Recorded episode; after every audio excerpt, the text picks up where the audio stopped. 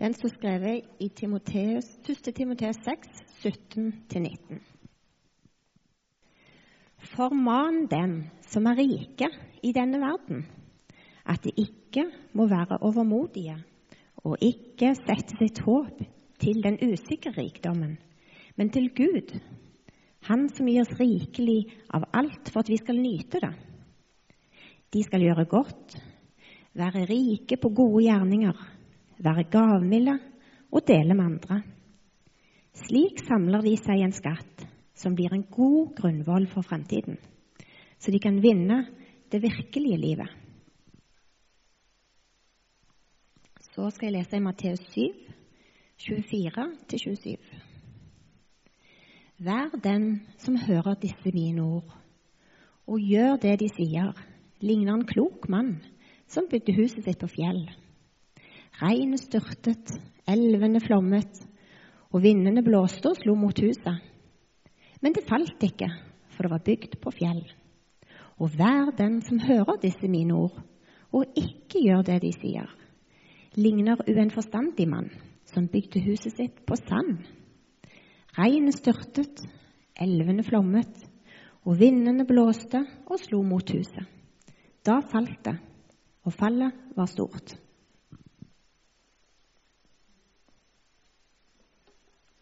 Jeg har blitt kjent med en rik mann i høst. Ved siden av huset sitt. Der har han et hus, et eget hus til bilen. 36 kvadrat.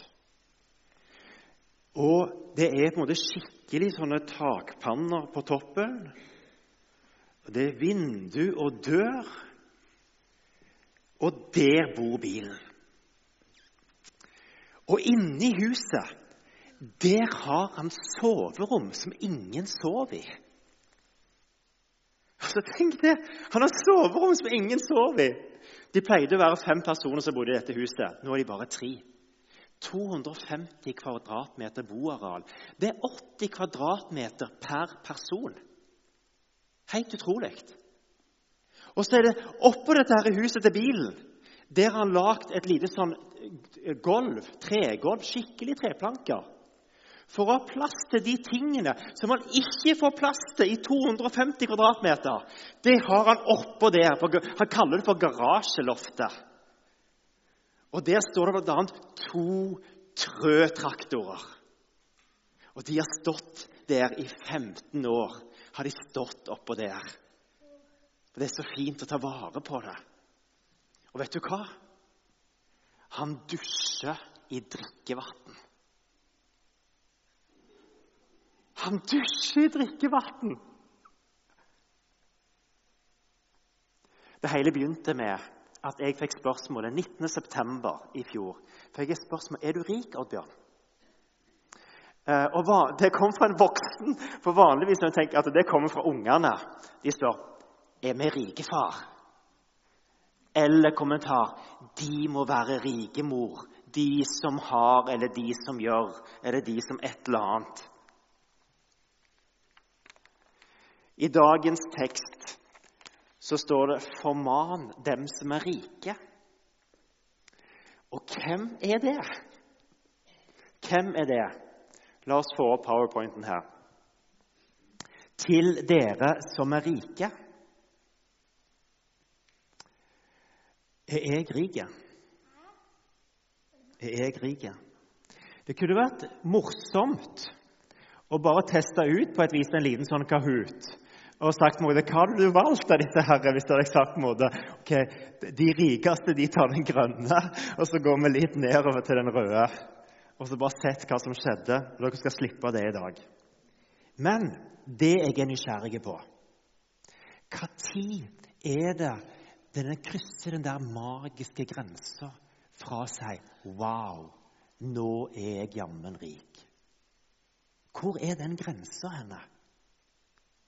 For Det hadde vært kjekt å visst, for da vet vi jo hva tid man krysser den grensa.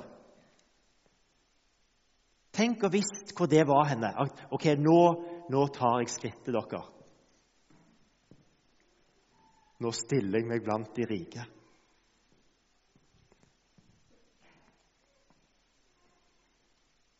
For jeg vet noe om når jeg føler meg rik. Og jeg husker en av de tingene som gjorde at jeg virkelig følte meg rik. Det var første gangen jeg fikk ferieskatt. Jeg var ikke klar over at noe sånt fantes engang. Og plutselig kommer det 865 kroner inn på kontoen. Og jeg følte meg bare så steinrik som bare plutselig hadde 850 kroner på kontoen uten at jeg hadde gjort noe for det. Og Jeg tipper mange av oss har sånne følelser om at ja, da var jeg rik. Og så vet jeg òg hvordan det føles den gangen jeg hadde henta den nye elbilen. Mm, tre, fire, tre og et halvt år siden jeg kjørte hjem. Og jeg følte meg at nå nå har jeg virkelig tatt et skritt opp, altså, for nå kjører jeg elbil. Og Det var første gang jeg kjøpte en ny bil. Og så er det så rart at det, det går ikke mange ukene før den er gammel. Det, jeg lurer på, altså, det er klart, altså, Jeg kunne kommentere det en stund til, men det var ikke mange ukene før den kjentes gammel ut. Jeg hadde visst ikke kryssa den der magiske grensa likevel, selv om jeg følte jeg hadde gjort det så hadde jeg visst ikke kryssa den likevel. Hvor går den grensa? De gjorde en undersøkelse i USA på dette her, for å spørre hvem regner du som rike. Og Da var det stort sett så var svaret til dette herre det dobbelte av det jeg har å oppøve. Da er du virkelig rik. Så hvis du hadde 20 000 kroner i måneden, så var det ja, de som har 40 000 kroner oppover, de er jammen rike. Det var liksom det gjengse svaret. Og Så gjorde jeg på en måte noen sjekk i forhold til hva er statistikk på dette. her. Og det er Hvis du har en familieinntekt på 25 000 kroner og oppover, så er du blant topp 4% i verden. Topp 4% i verden. Øker du den til 30 000 kroner i inntekt, familieinntekt, ikke per person, familieinntekt per måned, så er du topp 1% i verden. Topp 1% eller topp 4% Har du da kryssa denne grensa, eller går den på topp promille eller nano, eller hva det heter for noe oppover i de tallene? Hvor går denne grensa?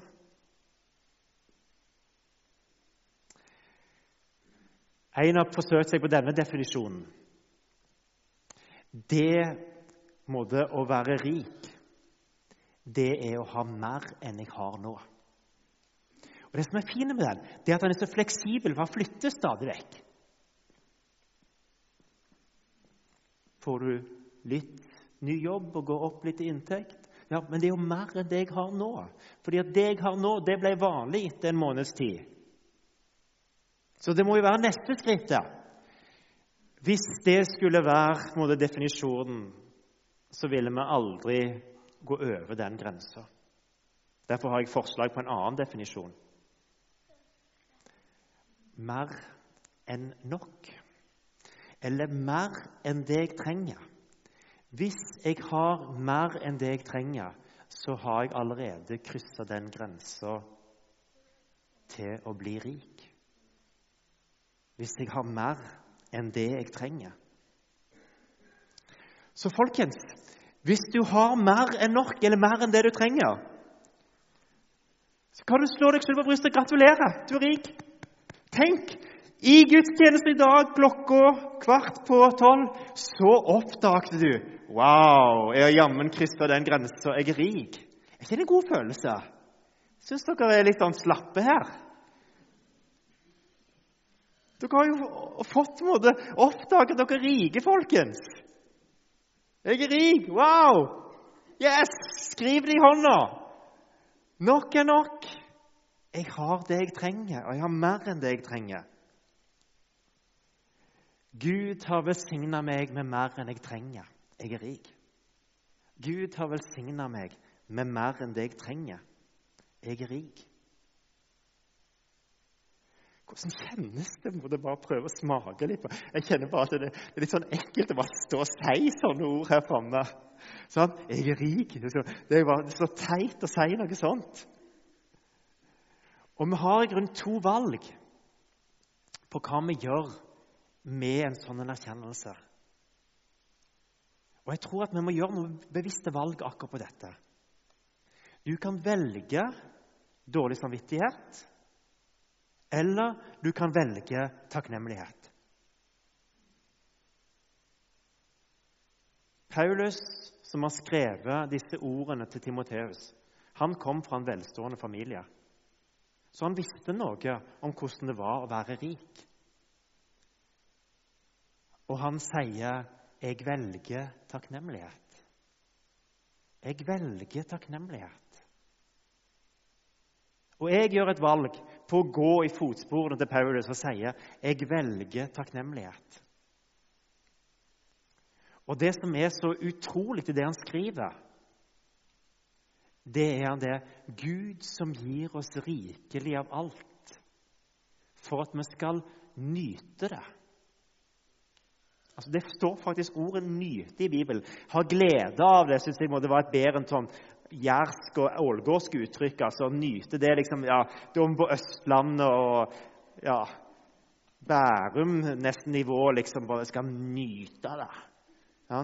Men, men, det er litt kult at Bibelen våger å bruke så sterke ord nettopp for at vi skal få lov til å måtte, nyte takknemligheten over at vi får lov til å bo i det landet vi bor i. At vi får lov til å ha mer enn hva vi trenger. Og at jeg i 2017 kan planlegge så mange kjekke ting for familien fordi at jeg har råd til det. Du kan velge dårlig samvittighet, og det er en fantastisk pose å bære på. Hvis du går rundt med en sånn pose med dårlig samvittighet.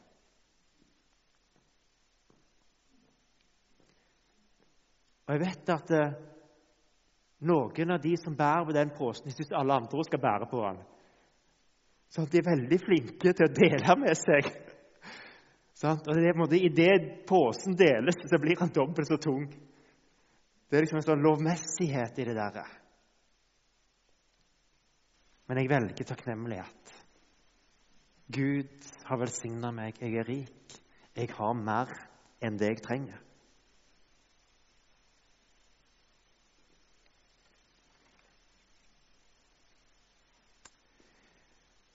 Hva sier så Paulus? Etter å ha plassert oss i takknemligheten og gleden over det, så sier han det Ikke sats livet på pengene, dere som er rike. Vi som er rike. Ikke sats livet på pengene. Forman de som er rike, at de ikke skal være overmodige og ikke sette sin lit til den usikre rikdommen, men til Gud, Han som gir oss rikelig av alt. Han som gir oss rikelig av alt. Jeg glemte en liten historie. Jeg må ta den med, for jeg synes den er så god. Bill Gates var på besøk i Mali og besøkte en fattig familie i hytta. Og Idet de gikk ut derifra, så gikk journalisten inn og så sa hun til måte, denne kona som bodde i hytta Vet du hva? Du har nettopp hatt besøk av verdens rikeste mann. Du har hatt besøk av Og var litt sånn sensasjon. Og så kom det på en måte ingen respons. Og så så hun bare helt sånn, på en måte nøytralt og sa ja, men alle hvite som kommer innom her, er rike.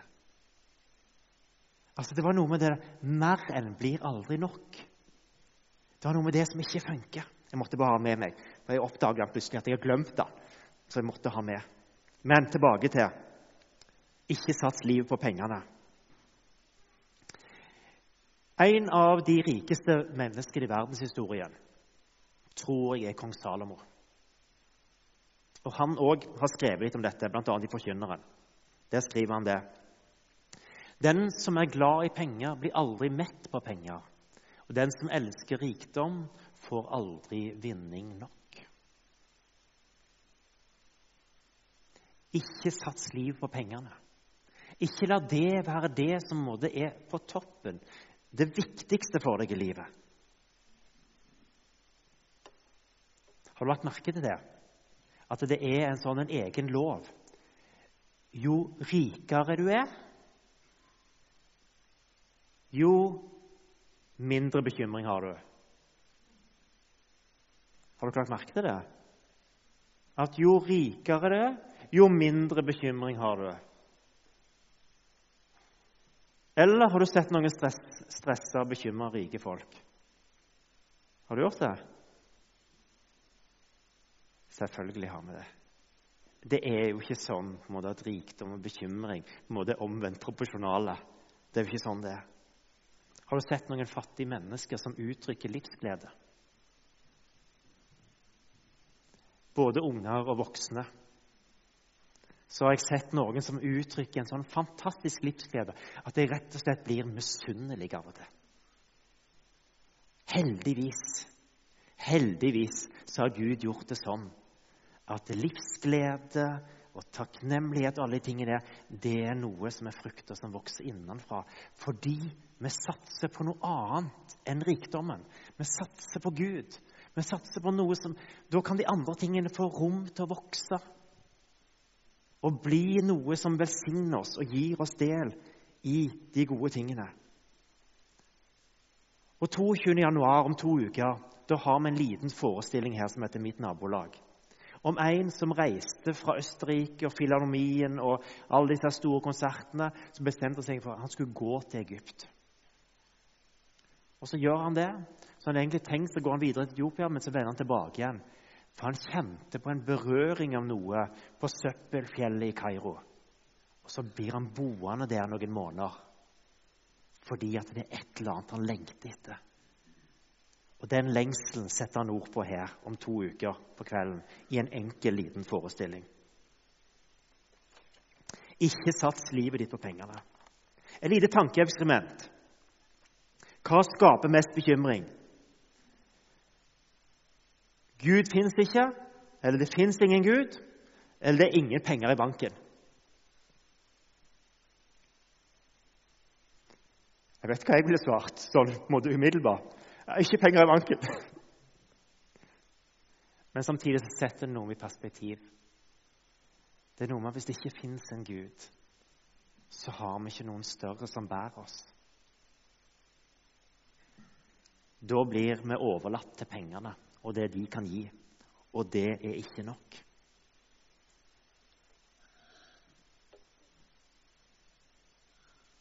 Hva nå? Jo, jeg kan si til meg sjøl jeg vil ikke satse livet mitt på pengene. Jeg vil sette Gud først. Han som gir meg rikelig av alt. Jeg vil sette Gud først. Og igjen så står du overfor et valg. Du kan gi tilfeldig eller spontant. For det er sånn rike mennesker oppfører seg. Tilfeldig eller spontant. Fordi det, det er det med å ha den gode følelsen. Da kan du gi. Nei, folkens. Det handler ikke om tilfeldig eller spontant. Det handler om hva jeg gjør først. Hva jeg gjør først av alt. Er det sånn at vi ærer Gud med det første vi får, for å vise at det er Han vi setter først?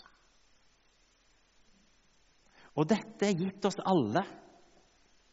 Her er det ikke forskjell på rik og fattig og ulike inntekter. Vi har alle muligheten til å ære Gud først med det vi har, og med det vi har fått.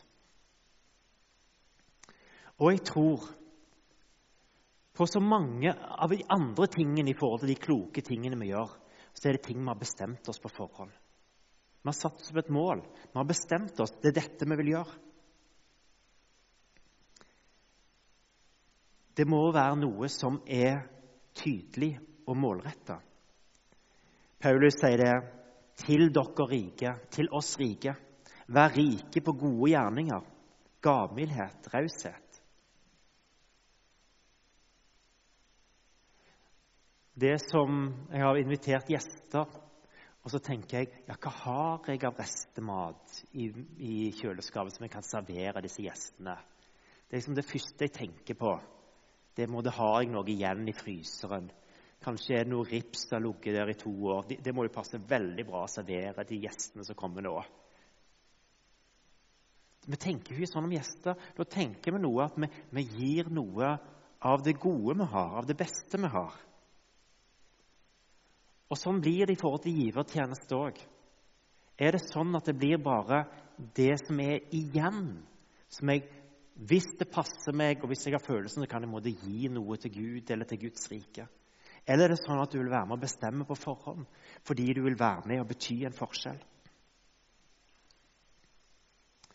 Hva er forskjellen på Kain og Abel? Begge to gir til Gud.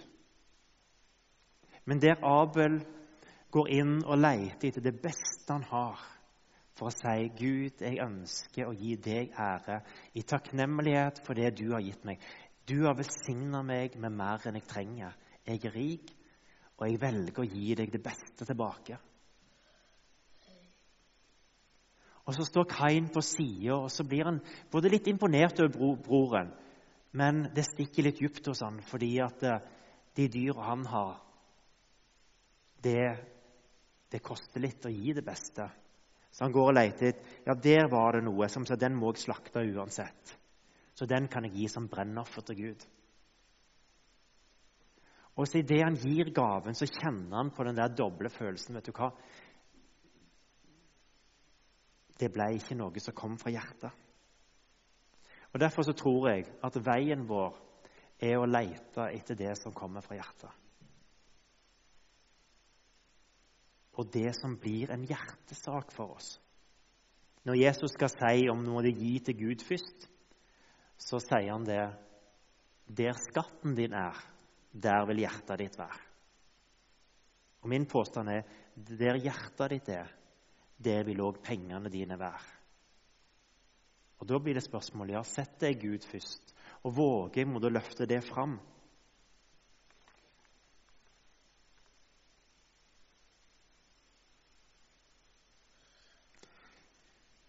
Det var en sånn gladnyhet i Jærbladet i romjula. Jeg vet ikke om dere leste om lederen i idrettslaget på Varhaug. Han hadde en kjekk opplevelse i romjula. Han fikk en telefon du må gå ut og sjekke postkassen. Og Så gikk han ut der og sjekket postkassen, og der ligger da en halv million i kontanter i postkassen. Det er sånn som jeg òg pleier å finne stadig vekk. Og så er på en måte, Han har opplevd det en gang før, så han har fått en million i denne postkassen sin. Så, så det, det, er liksom blitt en sånn svær sak. Og så tenker jeg litt Vet du hva? Det er i grunnen utrolig lite i forhold til det som vi har realisert sammen. Fra vi starta Berland menighet og fram til vi er i dag. Det vi har samla inn til denne kirka, det som har vært gitt til stillinger det betyr bare så utrolig mye, den ene hundrekroningen som du ganger med 1,5 og gir hver måned systematisk over år etter år etter år. Det blir så mye penger til slutt at til slutt så ender vi alle opp som milliongivere fordi at vi gjør det systematisk. Vi har 85 givere i Ålgård menighet, som gir ca. en million i året. Og De representerer kanskje en del familier, og sånn, så det, la oss si til 150. Men det er noe med det hvis alle er med og vi bærer i lag, så blir det så store summer av det når det gir systematisk over år etter år. Og Derfor så handler dagens tema om å sette Gud først òg med pengene våre. Og så må du finne ut hvordan, hvor du vil investere dem. og Noe av det skal vi snakke om neste gang det handler om forvalterskap.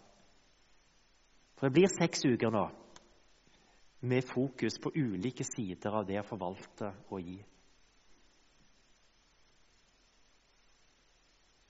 Vi skal synge en sang 'La riket ditt komme'.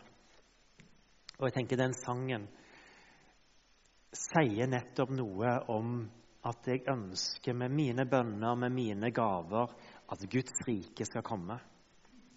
Den teksten der Jesus sier 'søk først Guds rike og hans rettferdighet', den er i en tekst der Jesus underviser disiplene om givertjeneste.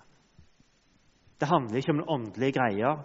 Det handler om hvordan vi forvalter det som Gud har gitt oss. La riket ditt komme.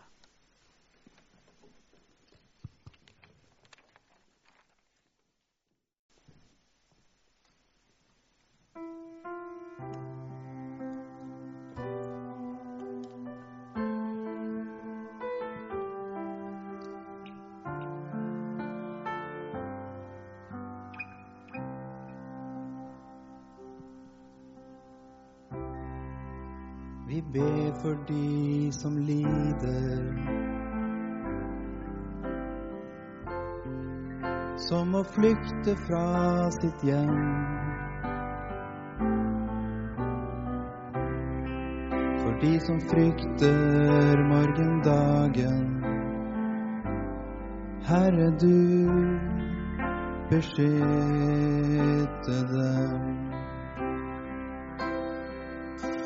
Vi ber for alle de som sulter. For de som savner daglig brød.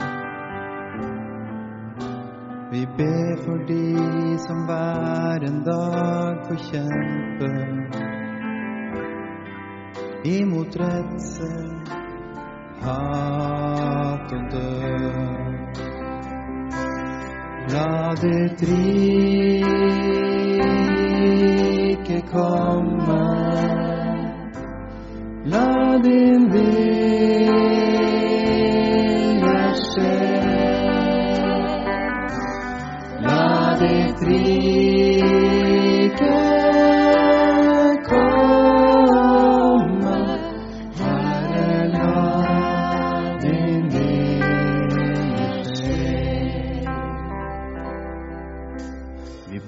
for de som ikke orker leve. Som bakom sin fasade har gitt opp. Når motløsheten holder nede, så ber vi Herre om at du gir håp. Og Herre, se til alle disse dine minste, som ikke engang er trygge i sine hjem. La din Faders kjærlighet gi varme. Må du beslutte å omslutte dem. La ditt rike komme. La din vilje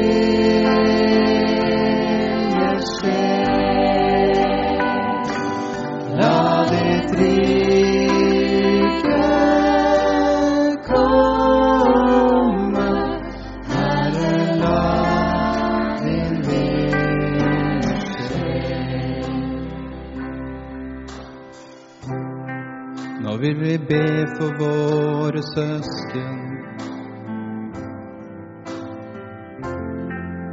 som må lide for sin tro.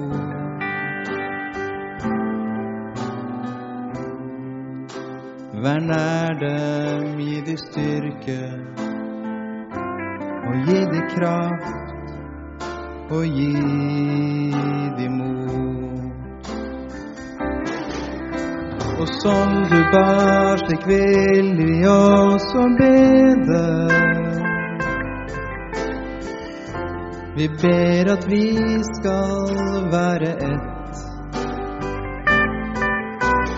Fyll oss med din kjærlighet til andre, og la oss se din herlighet. La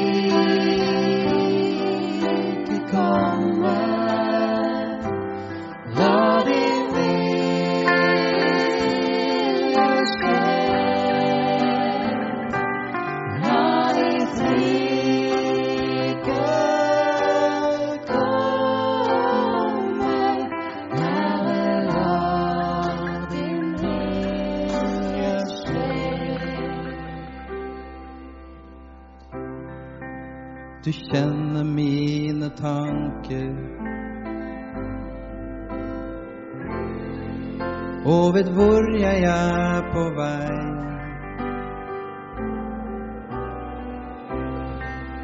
La meg gå på dine veier.